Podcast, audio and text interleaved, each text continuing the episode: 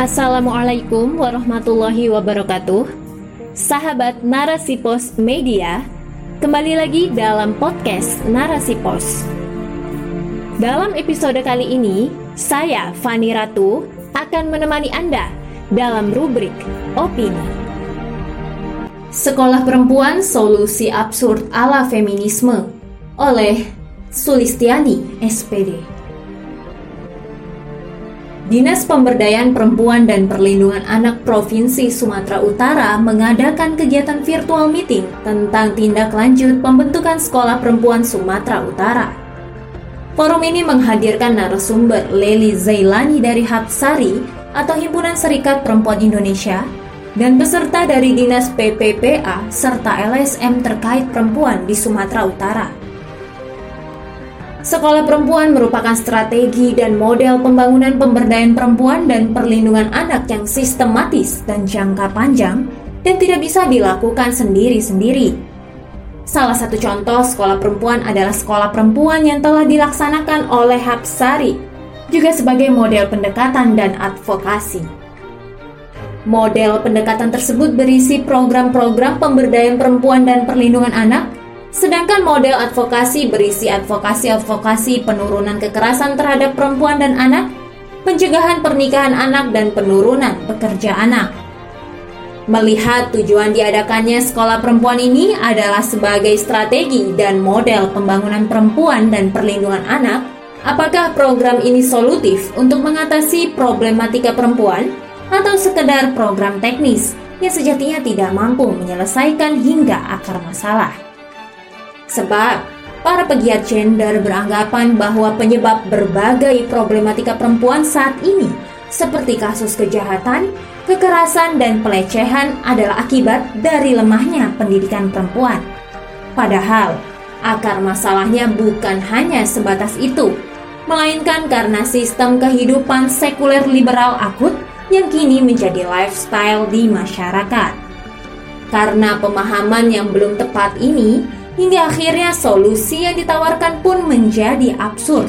Maka, hal inilah yang seharusnya butuh pelurusan pemahaman dan penyelesaian agar terwujud perubahan hakiki di tengah-tengah kehidupan perempuan hingga dapat menjadi perempuan yang berkualitas. Inilah kesalahan fatal para pegiat gender dalam mengatasi problematika perempuan.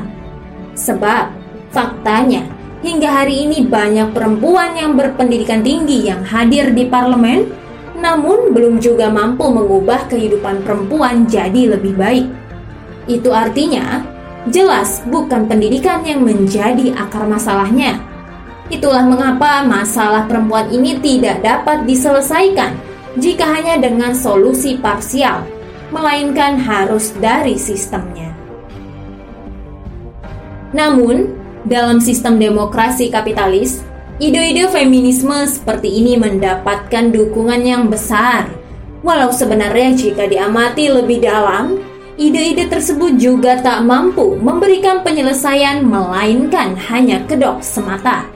Seperti halnya isu kesetaraan gender yang sebenarnya hanyalah kedok kapitalisme global dalam menyerap sebanyak mungkin tenaga kerja perempuan.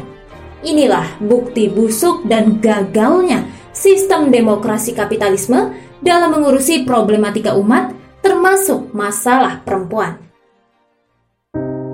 Dalam Islam, perempuan menempati kedudukan yang sangat mulia. Keberadaannya akan senantiasa dijaga dan dilindungi baik oleh keluarga, masyarakat, maupun negara, sehingga tidak ada peluang bagi oknum-oknum yang hendak menyakiti atau merusaknya. Penjagaan inilah yang akan diwujudkan dalam penerapan syariah kafah pada sebuah institusi negara. Seperti halnya perlindungan yang diberikan oleh Khalifah Al-Mu'tasim Billah yang mengerahkan puluhan ribu tentaranya untuk melindungi seorang perempuan yang tengah dilecehkan oleh seorang Yahudi dari kota Amuria.